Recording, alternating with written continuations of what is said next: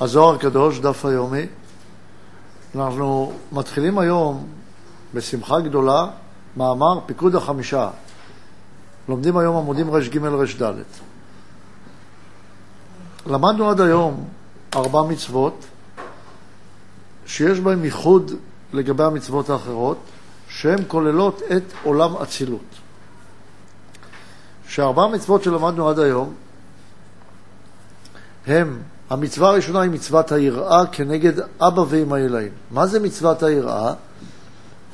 אני חוזר עליהם מכיוון שהן מהוות, גם בעל הסולם חוזר עליהם בפנים, מכיוון שהן מהוות את עולם אצילות, ועכשיו אנחנו מתחילים בדבר חדש. לכן טוב שנסכם לנו אותם, מה שגם עשינו כל מצווה ומצווה, אבל אלה יחידה אחת ונסכם אותם בקצרה. אז היראה, סיפר לנו רבי שמעון בר יוחאי, שהיא כנגד גרדה בינה, והיא צריכה להיות יראה בגין דיורה ושליט. סיפר לנו גם שיש עוד בית יראות שהן לא שורש ליראה אמיתית, והן יראה מפחד, שאני לא אקבל שכר או אקבל עונש בעולם הזה או בעולם הבא. אלה לא שורש ראוי. זאת אומרת, אנחנו לא עושים, יראה היא לא כדי לקבל שכר. יראה היא בגין דיורה ושליט, כי הבורא הוא גדול, וזה מתבטא בפסוק, בראשית ברא אלוקים את השמיים ואת הארץ. אגב, כך נאמר שכל המצוות הן נובעות ממעשה בראשית. ולכן במעשה בראשית, אמר רבי שמעון בר יוחאי שכל התורה, כל הפיקודים העיקריים שכוללות את כל התורה נמצאות שם.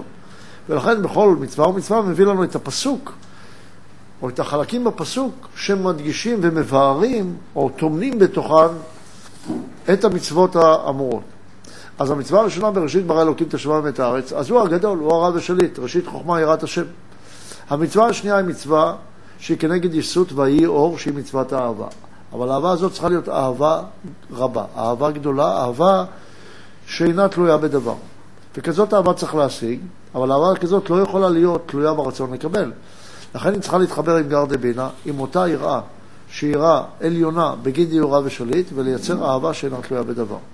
בית נקודות הללו, בית המצוות הללו, הן מצוות השקפתיות, שככה אני צריך לקבל בהכרה הגבוהה שלי. לאחר מכן אני צריך לייצר אותן כאמונה.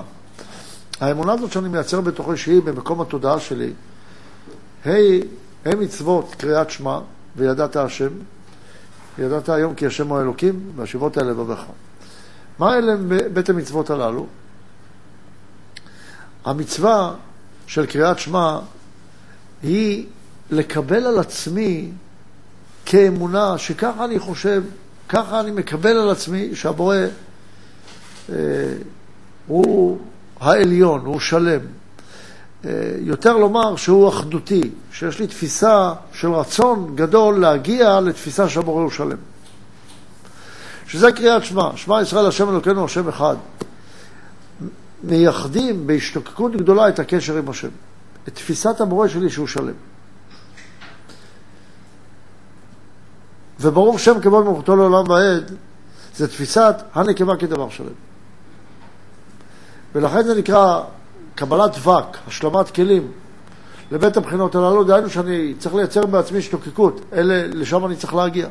צריך להגיע לכך שגם הבריאה היא שלמה, שזה צד המלכות, וגם המורה הוא שלם. אז נו, אז מה הם שלמים? בשביל זה באה המצווה הרביעית שצריך לחבר ביניהם. צריך לחבר בין בית התודעות הללו. מצד אחד יש לי תודעת המורה שהוא שלם. מצד שני יש לי תודעת הבריאה שהיא שלמה. וזה דבר קשה. הלבנה היא כנגד תודעת הבריאה, והשמש הוא כנגד תודעת המורה. ושתי התודעות האלה נכונות, ולכאורה הן סותרות זו את זו. אומר לך במצווה הרביעית, אתה צריך לחבר ביניהם. אתה צריך לחבר בין זה שהמורה שלם לבין זה שהבריאה שלמה, וצריך להביא אותם לזיווג. ונראה איך אני אעשה את זה. כשאני בא לתודעה הזאת, אז אני מרגיש שאם אני מחבר ביניהם, אז אני אהפוך להיות אנוכי. הוא אומר, נכון, אתה צודק. אתה צודק, זה באמת קללת הנחש. אז העצה לזה היא להעלות אותם למקום הקודש, למקום הקדושה, למקום אבא ואמא, להכרה הגבוהה הזאת שדיברנו בה קודם, ושם אפשר לייחד אותם. ואז כאשר מייחדים את התודעה במקום ההכרה הגבוהה הזאת של יראה ואהבה, אז אתה יכול לייצר את בית האמונות האלו, שאמונה שהבורא הוא שלם והבריאה היא שלמה, אתה יכול לחבר ביניהם, לעשות ביניהם איחוד, השם הוא האלוקים. השם י"ק ו' כנגד הבורא, אלוקים כנגד הבריאה, הם מאוחדים, הוויה הוא האלוקים. זה גם בשיבות האל לבביך. לאחר מכן, שאחרי שמייצרים את האיחוד השלם הזה, שזה מבחינת גר, באה המצווה החמישית, שככה היא מתוארת בכתוב. וכאן אנחנו עוברים לאות רט"ו. המצווה החמישית כתוב, ישרצו המים שרץ נפש חיה. משמע שהפסוק שממנו לקחנו, אנחנו לוקחים, פסוק במעשה בראשית, שלוקחים את המצווה החמישית, ונראה השישית והשביעית, זה מהפסוק ישרצו המים נפש חיה. במקרא הזה אומר, עברנו לעמוד ר"ג, יש שלוש מצוות. אחת, לעסוק בתורה. אחת, לעסוק בפריאה ורבייה. ואחת, למול לשמונה ימים ולהעביר משם את העורלה. עד כאן ג' המצוות. חוזר לבאר לנו את המצווה הראשונה, הוא מתחיל ואומר, וצריך לעסוק בתורה ולעמוד בה בכל יום. למה? מה המטרה? לתקן נפשו ורוחו, ונוסיף גם נשמתו. מבאר לנו בעל הסולם שלימוד התורה יש לו תפקיד מאוד מיוחד בנפש האדם, והוא להעביר את האדם למציאות של קדושה, למציאות של נפש של קדושה. ואם אדם לא לומד תורה, הוא לא יוכל לבסס את אותן תודעות שדיברנו עליהן קודם, והוא לא יוכל להעלות את התודעה שלו למקום ההכרה הגבוהה. ואז, אני אוסיף ואומר, שבלית ברירה הוא יעשה זיווג במקום נמוך. דהיינו, אם הוא לא ילמד תורה, אז תודעת הבריאה ותודעת הבורא שבו יהיו במקום נמוך, אין לו ברירה, הוא ירצה הנאה, ושם הוא יעשה ביניהם זיווג, וזה תהיה קללת הנחש. דהיינו, יוצא ליהנות, למשל, בעולם הזה. למה? כי יש לו תודעה שצריך ליהנות, והבורא רוצה לתת תענוג, אז אני צריך ליהנות. אבל אם אתה תלמד תורה, אז זה יעזור לך להעלות אותם להכרה הגבוהה של יראה אמיתית בגיד יהורה ושליט, ושל אהבה רבה, דהיינו אהבה שאינה תלויה בדבר. זאת ההכרה שלך, ככה צריך להיות. אז אתה תהיה חייב להעלות את האיחוד למקום הזה אם תלמד תורה, ואם לא, תהיה לך נפש לא של קדושה, נפש טמאה. לכן אומר לימוד התורה לזה עוזר. ובלימוד תורה ישנם ג' הבחנות. אז אמנם אמרנו שיש ג' מצוות, שהן החמישית, השישית והשביעית, כרגע אנחנו לוקחים רק את המצווה החמישית ומתעסקים בה. לכן אנחנו לא מעריכים עכשיו בפריאה ורבייה ובברית המילה, בהסרת העורלה, אלא אנחנו מתעסקים כרגע רק במצווה החמישית, והיא לימוד תורה. בלימוד תורה ישנם ג' שלבים. השלב הראשון של לימוד התורה שממנה נמשכת הנשמה הקדושה, זה לומר את הדברים. למילה באורייתא. למלמל את הדברים ולהוציא אותם מהפה.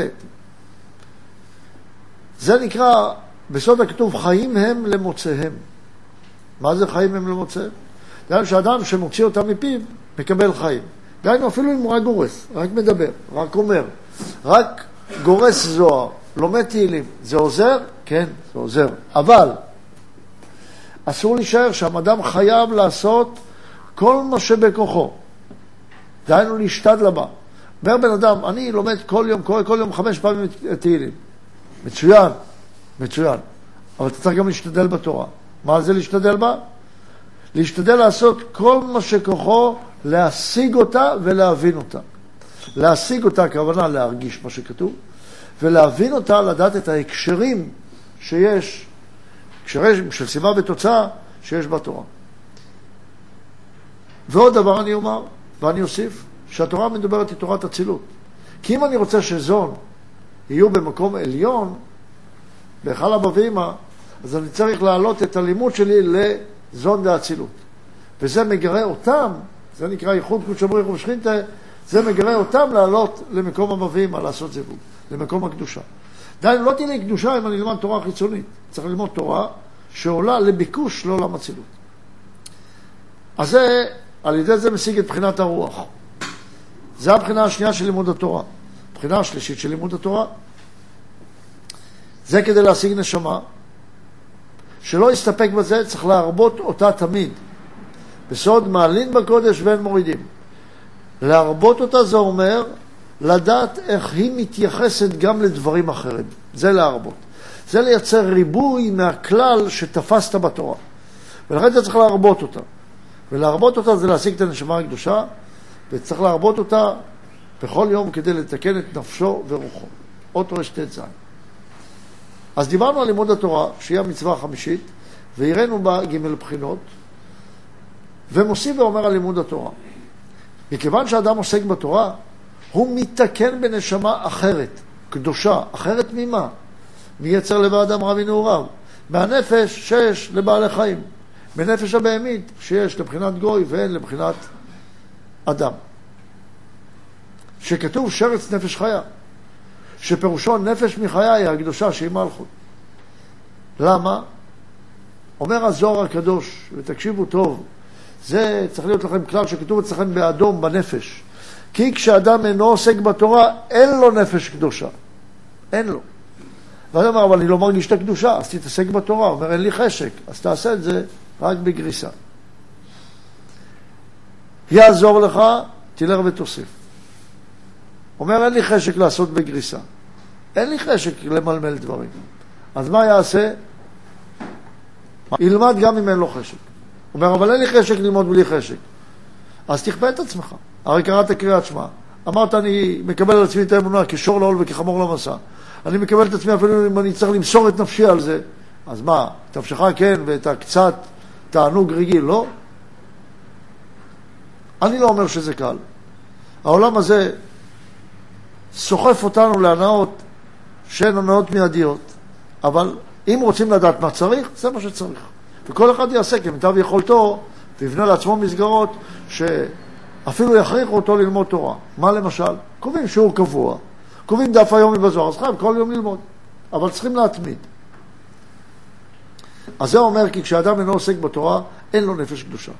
הקדושה שלמעלה אינה שורה עליו, וכשהוא עוסק בתורה. באותו הרחש שדובב בה, זוכה לנפש חיי, ולהיות כמלאכים הקדושים. משמע, שמספיק שדובב בה, בשלב ראשון.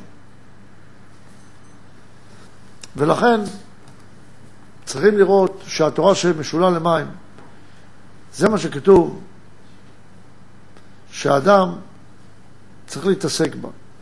והיא יורדת גם למקומות הנמוכים. מים הולכים גם לאדם שמרגיש את עצמו נמוך. אם אתה מרגיש את עצמך נמוך, אז התורה תרד אליך. אבל אם אתה לומד אותה בגאווה, המים לא עולים למעלה. והתורה לא תשפיע עליך. לכן המים משולי, התורה משולה למים כדי לומר, יורדת למי שמנמיך דעתו, מי שמשפיל קומתו, מי שמוכן לוותר על גאוותו, אז התורה תגיע אליו. אבל אם שאדם רואה את עצמו רק גבוה ולמעלה, התורה לא תגיע אליו. המים לא עולים למעלה, הם יורדים לאדם שמוכן להנמיך את עצמו. אז הוא עולה למעלה ויכול להשיג נפש, רוח ונשמה. נפש ורוח הם עדיין לא דבוקים בהשם יתברך. רק כשמשיג נשמה, אז הנשמה דבוקה בהשם יתברך. אבל לא יכול להשיג נשמה לפני שהשיג נפש ורוח. לכן צריך לדובב בתורה, ללמוד הרבה תורה, גם אם אתה לא מבין את הכל. ובאותם חלקים שאתה יכול להתעמק ולהבין יותר, אתה מחויב לעשות זאת. ובמקום שאתה יכול גם לראות את ההשלכות של זה ולחיות על פי זה, זה ייתן לך גם את הנשמה הקדושה, וזה מה שיחבר אותך להשם. לכן תראו כמה התורה היא דבר חשוב. במיוחד תורת, פנימי, תורת האצילות, פנימיות התורה. כי הרי היא זו שעולה ומגרה את זון לעלות לאבא ואמא לזיווג דקדושה. כי הרי כך עולם אצילות, זון עולים ל... סליחה, המן, נשמות צדיקים, על ידי התפילה עולים לזון, זון עולים לאבא ואמא, ואז אבא ואמא עולים לעתיק וערך אלפי. ואז יש זיווג על חוכמה, וכל החוכמה הזאת יורדת עד התחתונים, יורדת לנשמות הצדיקים שנמצאים במצב זה כבר בעולם אצילות, כי האדם שלומד תורה גורם לנחת רוח גדולה להשם יתברך, לזיווג בין הקדוש ברוך הוא לשכינה הקדושה. לכן יש פה אחריות, אחריות אישית ללמוד תורה. זה אחריות. זה תפקיד בעולם ליהודי. ואדם יהודי שלא לומד תורה מפריע לכל העולמות כולם. לכן כדאי לכל אחד מאיתנו לקחת על עצמו זמנים קבועים שבהם הוא לומד תורה, ולא לתת שום דבר לחדור לשם. היה עדיף שכל היום ילמד תורה. אבל היות ואנחנו חיים במציאות שכרגע לא כולם יכולים ללמוד תורה כל היום, אבל לקחת זמנים קבועים, כן ללמוד בהם, כל יום, זה ודאי כל אחד יכול לעשות. ואותם צריכים לשמור בחרדת קודש וללמוד אותם כמה שאפשר. ואם קרה ופספסת, אז תשלים. אבל לא לוותר, לא לחיות באוברדרפט. ואז בעזרת השם בלימוד התורה הקדושה נוכל לעשות תיקונים הרבה. אנחנו לא צריכים ללמוד על לימוד התורה, עוד לא סיימנו אותה. ולכן צריכים לראות מה הקדוש ברוך הוא מצווה אותנו, מה הוא רוצה מאיתנו, איך ללמוד תורה, ומה התורה עושה, איך היא מכוונת אותנו, איך יכוון אותנו הזוהר לגשת לתורה, אם לא הצלחת לזכות, אם בן אדם מקבל שכלים אחרים, מה לעשות עם זה? כי הרי עכשיו הבנו שזה דבר חשוב, שרוב בעזרת השם נלמד גם איך להתעסק עם זה. עד כאן היום, תודה רבה.